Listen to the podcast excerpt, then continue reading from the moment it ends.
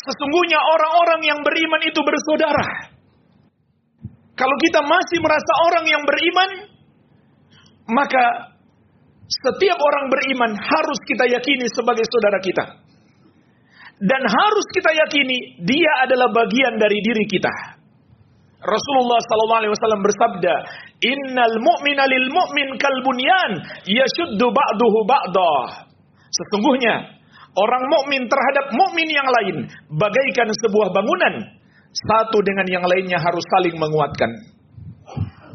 Juga sabda Nabi sallallahu alaihi wasallam, "Masalul mu'minina fi tawaddihim wa tarahumihim wa ta'atufihim masalul jasadi idza ishtaka minhu udwun tada'alahu sairul jasadi bisahari wal humma." Perumpamaan Orang-orang yang beriman itu dalam hal saling mencintai, menyayangi dan berlemah lembut di antara mereka bagaikan satu tubuh.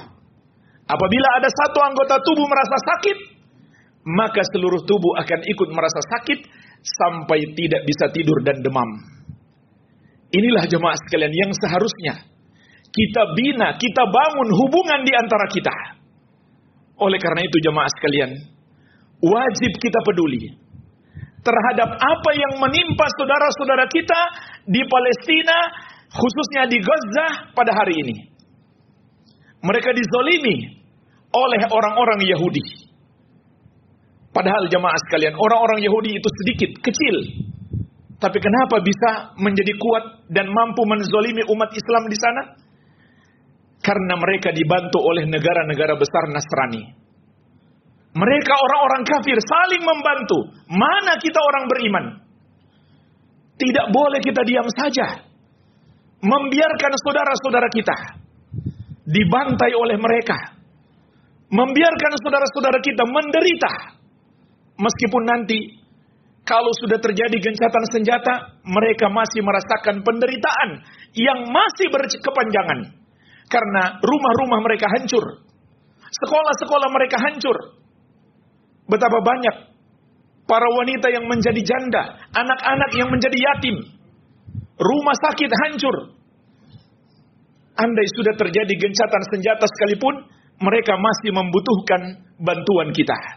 Rasulullah SAW bersabda, Al-Muslim akhul Muslim, la yadlimuhu, wa la yakhduluhu, wa la yahkiruhu. Seorang Muslim adalah saudara bagi Muslim yang lainnya maka tidak boleh dia menzolimi saudaranya.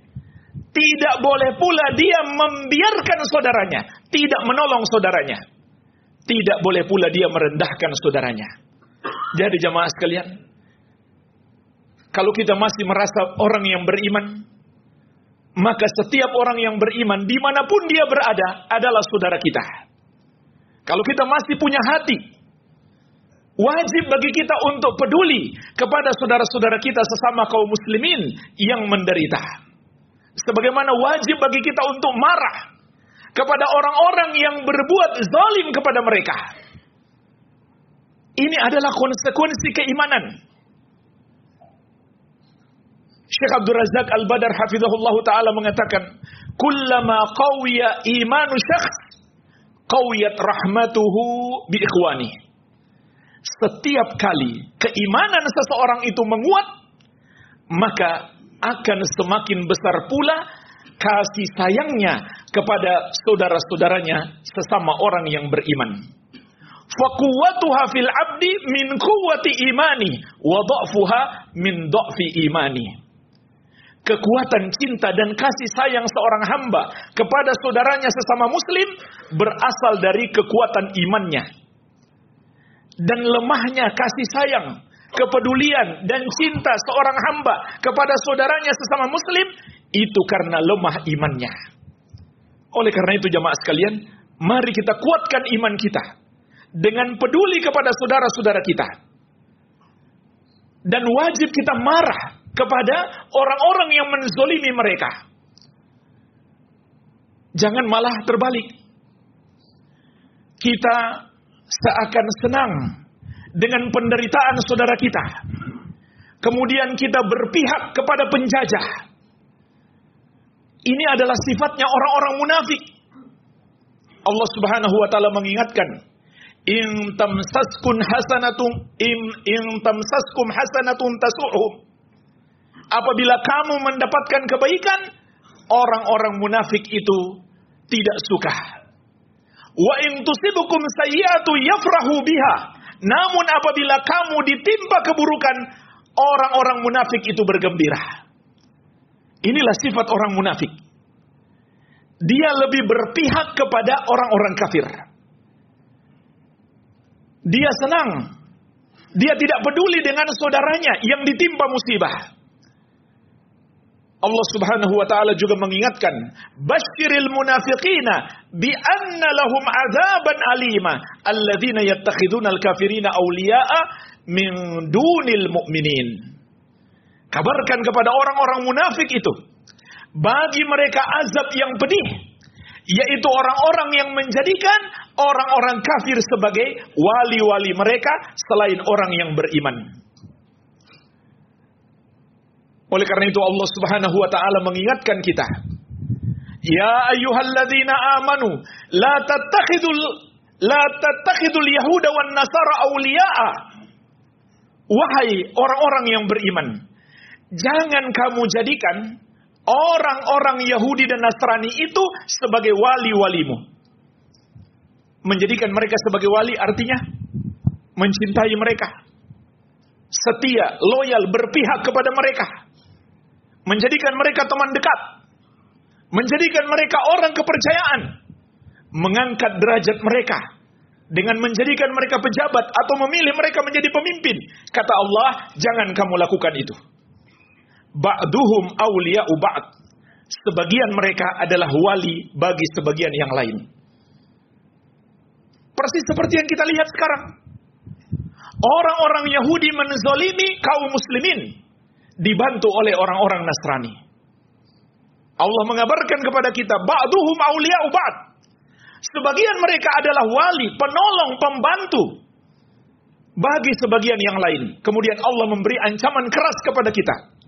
Wa may minkum fa minhum. Barang siapa di antara kalian yang bersikap loyal kepada mereka, berpihak kepada mereka, setia kepada mereka, mencintai mereka, maka dia bagian dari mereka.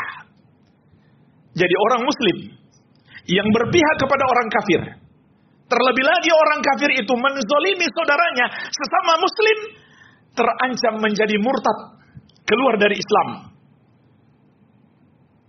Apabila keberpihakannya itu karena dia memang senang dengan agama mereka, membenarkan agama mereka, atau ingin menghinakan Islam, maka dia berpihak kepada mereka. Allah Subhanahu wa taala mengingatkan, "Wa may yatawallahu minkum fa innahu minhum."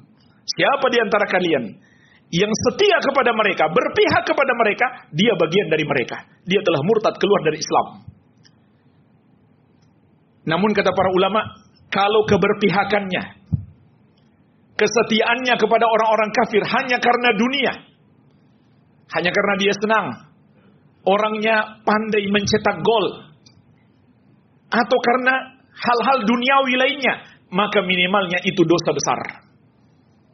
Dan Rasulullah sallallahu alaihi wasallam mengingatkan kita, almar'u ma'aman ahabbah. Seseorang itu akan dibangkitkan bersama dengan yang dia cintai. Maka apabila kita mencintai kaum muslimin, mencintai Nabi Muhammad SAW dan para sahabat dan orang-orang yang beriman, insya Allah kita akan dibangkitkan bersama mereka, bersama Rasulullah SAW untuk masuk ke dalam surga. Tapi kalau seseorang cenderung mencintai orang-orang yang tidak beriman, cenderung berpihak kepada orang-orang kafir, bahkan orang kafir yang zalim, maka dia terancam dibangkitkan bersama mereka kelak di hari kiamat. Maka termasuk sifat orang-orang munafik, dia tidak peduli dengan kaum muslimin, malah dia berpihak kepada orang-orang yang zalim. Oleh karena itu jamaah sekalian wajib kita peduli kepada saudara-saudara kita sesama muslim di Palestina. Kalau kita masih punya hati, yaitu hati yang beriman. Wabillahi taufik.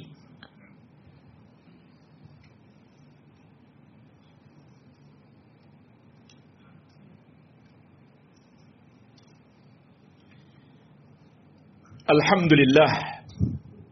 Wassalatu wassalamu ala rasulillah Wa ala alihi wa sahbihi wa man walah. Wala hawla wala quwwata illa billahi amma ba'd. Kaum muslimin jamaah salat Jumat rahimani wa rahimakumullah. Lalu apa yang bisa kita lakukan Untuk membantu saudara-saudara kita di Palestina?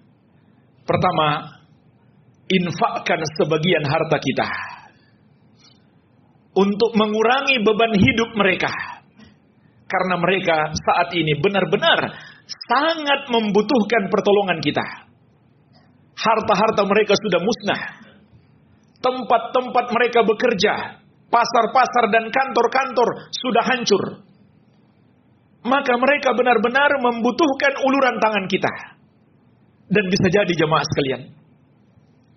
Seratus ribu yang kita sedekahkan untuk mereka menjadi penyelamat kita dari api neraka. Rasulullah sallallahu alaihi wasallam bersabda, "Fattakun nar walau bisyikki tamratin." Bentengi dirimu dari api neraka meskipun hanya dengan sedekah sepotong kurma. Jangan berkecil hati, meskipun kita hanya mampu memberikan sedikit, kirimkan untuk mereka. Bisa jadi itu yang menyelamatkan kita dari azab Allah kelak di hari kiamat. Sebagaimana Rasulullah SAW juga bersabda, "Kullun fi dhilli sadaqatihi yaumal kiamah." Setiap orang akan berada di bawah naungan sedekahnya di hari kiamat. Karena hari kiamat itu jemaah sekalian, matahari didekatkan sejauh satu mil. Saking panasnya manusia berkeringat, ada yang keringatnya sampai ke mata kakinya. Ada yang sampai ke betisnya, ke lututnya, ke pinggangnya, ke dadanya. Ada yang tenggelam dengan kali, dengan keringatnya sendiri. Sesuai dengan amalan mereka masing-masing. Tidak ada lagi tempat berteduh. Tidak ada rumah-rumah, gedung-gedung, pepohonan, semua sudah hancur. Dan tidak ada lagi sumber-sumber air dan makanan. Maka orang yang bersedekah ketika itu, datang sedekahnya, di hari kiamat menjadi naungan baginya.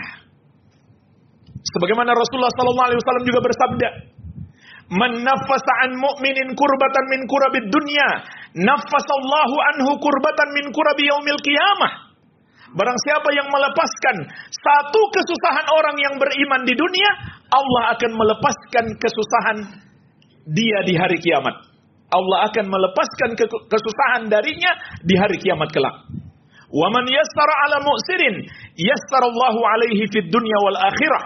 Dan barang siapa memudahkan orang yang kesulitan bayar hutang, Allah akan memudahkan baginya di dunia dan di akhirat. Wa man satara musliman satarahu Allahu fid dunya wal akhirah. Dan barang siapa menutupi aib seorang muslim, Allah pun akan menutupi aibnya di dunia dan di akhirat. Wallahu fi aunil abdi, maka al abdu fi auni akhih. Dan Allah akan senantiasa menolong seorang hamba selama hamba tersebut masih mau menolong saudaranya sesama muslim. Maka jemaah sekalian, menghilangkan kesusahan seorang muslim, membuat hatinya senang, mengatasi masalah-masalahnya adalah amalan yang sangat Allah cintai. Rasulullah SAW juga bersabda, "Ahabbul a'mal ilallahi sururun tudkhiluhu ala muslim. Au takshifu anhu kurbatan. Au tatrudu anhu ju'an. Au taqdi anhu dainan. Di antara amalan yang paling dicintai oleh Allah Subhanahu wa taala adalah kegembiraan yang engkau masukkan di hati seorang muslim. Atau engkau mengatasi kesulitannya. Atau engkau mengusir rasa, menghilangkan rasa laparnya atau engkau atau engkau membayarkan hutangnya. Ini kesempatan emas jemaah sekalian. Di antara hikmah adanya musibah ini agar terlihat orang-orang yang mau menolong saudaranya sesama muslim, mau menguatkan imannya dan siapa orang-orang munafik atau bermental munafik yang tidak peduli dengan saudaranya bahkan berpihak kepada penjajah. Jangan sampai kita menyesal ketika datang malaikat maut menjemput kita. pada saat itulah baru kita mau bersedekah. Allah Subhanahu wa taala mengingatkan dalam Al-Qur'an, "Wa anfiqu mimma razaqnakum min qabli an ya'tiya ahadakumul maut fayaqula rabbi laula akhartani ila ajalin qarib fa asaddaqa wa akum minas salihin." Bersedekahlah kalian dari rezeki yang kami anugerahkan kepada kalian. Perhatikan ayat ini jemaah sekalian. Allah mengingatkan. Hakikat rezeki yang kita infakkan itu hanyalah milik Allah yang dititipkan kepada kita. Bersedekahlah kalian dari rezeki yang kami anugerahkan kepada kalian.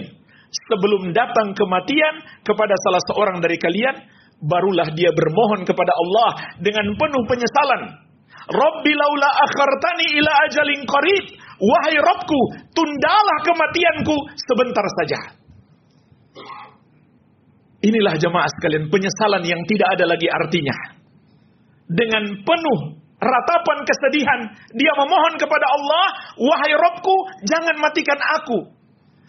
Beri kesempatan hidup sebentar saja." Apa yang ingin dia lakukan? Apakah dia ingin bersenang-senang dengan hartanya atau jabatannya atau dengan banyaknya pengikut-pengikutnya?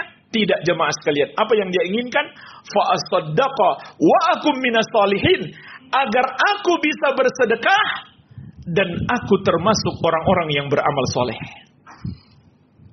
Maka bersedekahlah sebelum datang penyesalan tersebut. Karena Allah menjawab permintaan itu nafsan idza jaa ajaluha dan Allah tidak akan menunda kematian seseorang apabila telah datang ajalnya. Yang kedua jemaah sekalian yang bisa kita lakukan adalah berdoa. Jangan sepelekan doa. Bisa jadi dengan doa kita Allah Subhanahu wa taala menolong mereka. Semakin banyak kita berdoa, kebaikannya pun kembali kepada kita. Nabi Shallallahu Alaihi Wasallam mengabarkan, jika seorang Muslim mendoakan saudaranya sesama Muslim tanpa diketahui oleh saudaranya, maka malaikat akan berkata kepadanya, Amin, walaka bimithlin. Ya Allah kabulkanlah dan semoga engkau juga mendapatkan seperti yang engkau mintakan untuk saudaramu. Rasulullah sallallahu alaihi wasallam bersabda, "Innama yansurullahu hadhil ummah bidha'ifiha bidakwatihim wa salatihim wa ikhlasihim hanyalah Allah menolong umat ini dengan orang-orang lemahnya yaitu dengan solat mereka, doa mereka dan keikhlasan mereka.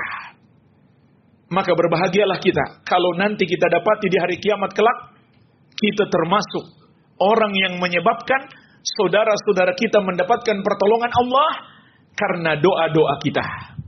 Yang terakhir jemaah sekalian, marilah kita memetik pelajaran dari apa yang menimpa saudara-saudara kita di Palestina hari ini. Pelajaran terbesarnya adalah kita saat ini adalah umat yang lemah. Meskipun jumlah kita besar, tapi kita tidak sanggup menolong saudara-saudara kita sesama muslim. Lalu apa penyebab kelemahan kita? Rasulullah SAW telah mengabarkan kepada kita bahwa kelemahan ini sebenarnya adalah hukuman yang Allah timpakan kepada kita. Kenapa kita dihukum? Kata Nabi sallallahu alaihi wasallam, "Idza tabayatum bil ina wa akhadtum aznabal baqari wa raditum bizar'i wa taraktumul jihad, sallatallahu alaikum dhulla." Apabila kalian telah melakukan jual beli dengan cara inah, yaitu salah satu bentuk transaksi riba dan kalian telah memegang ekor-ekor sapi dan ridho dengan pertanian. Maksud hadis ini kata para ulama, kalian terlalu cinta dunia dan lupa akhirat. Dan kalian meninggalkan jihad. Perhatikan jemaah sekalian, ini tiga penyebabnya. Transaksi riba, cinta dunia berlebihan, melupakan akhirat, dan meninggalkan jihad. Intinya semua ini adalah dosa. Sallatallahu alaikum dhulla. Maka Allah menimpakan kehinaan kepada kalian. Kalian menjadi lemah. Musuh-musuh kalian tidak menghormati kalian. Tidak takut kepada kalian. Padahal dulu jemaah sekalian, Nabi Shallallahu Alaihi Wasallam dari jarak sebulan perjalanan musuh sudah gentar. Pada hari ini apa yang terjadi?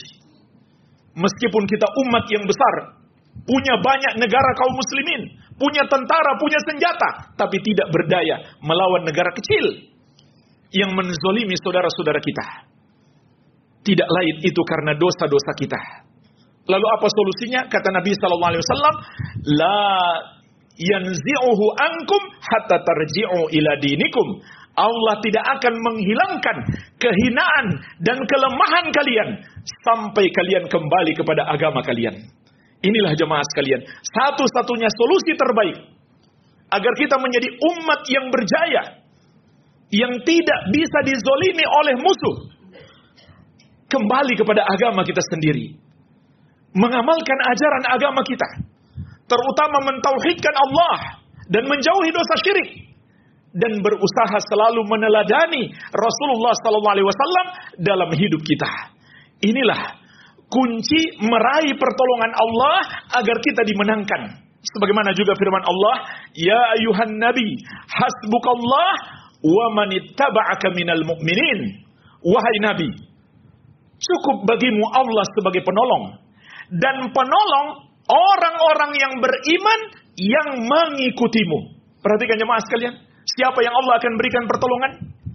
Orang-orang yang beriman artinya dia menyembah hanya kepada Allah. Dia tidak menuhankan atau membenarkan penuhanan kepada selain Allah. Dan dia beriman terhadap semua ajaran Islam. Dan mengikutimu wahai Muhammad. Mengikuti Rasulullah SAW. Inilah kunci untuk mendapatkan pertolongan Allah. Dan di sinilah jemaah sekalian pentingnya kita mendalami ilmu agama. Agar kita bisa kembali kepada agama Allah. Agar kita bisa mengamalkannya dengan sebaik-baiknya. Itulah kunci kita menjadi umat yang besar, umat yang kuat, umat yang berjaya. Kembali kepada agama kita sendiri. Sehingga kita mendapatkan pertolongan Allah subhanahu wa ta'ala.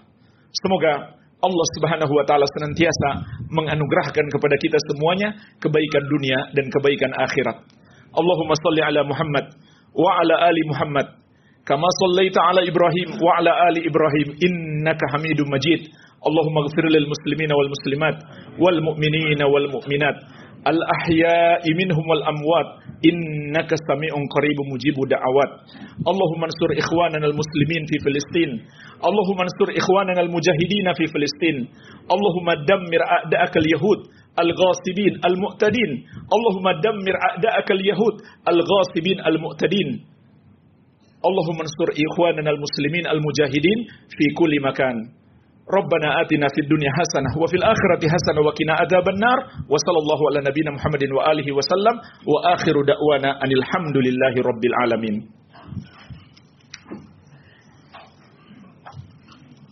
الله أكبر الله أكبر. أشهد أن لا إله إلا الله.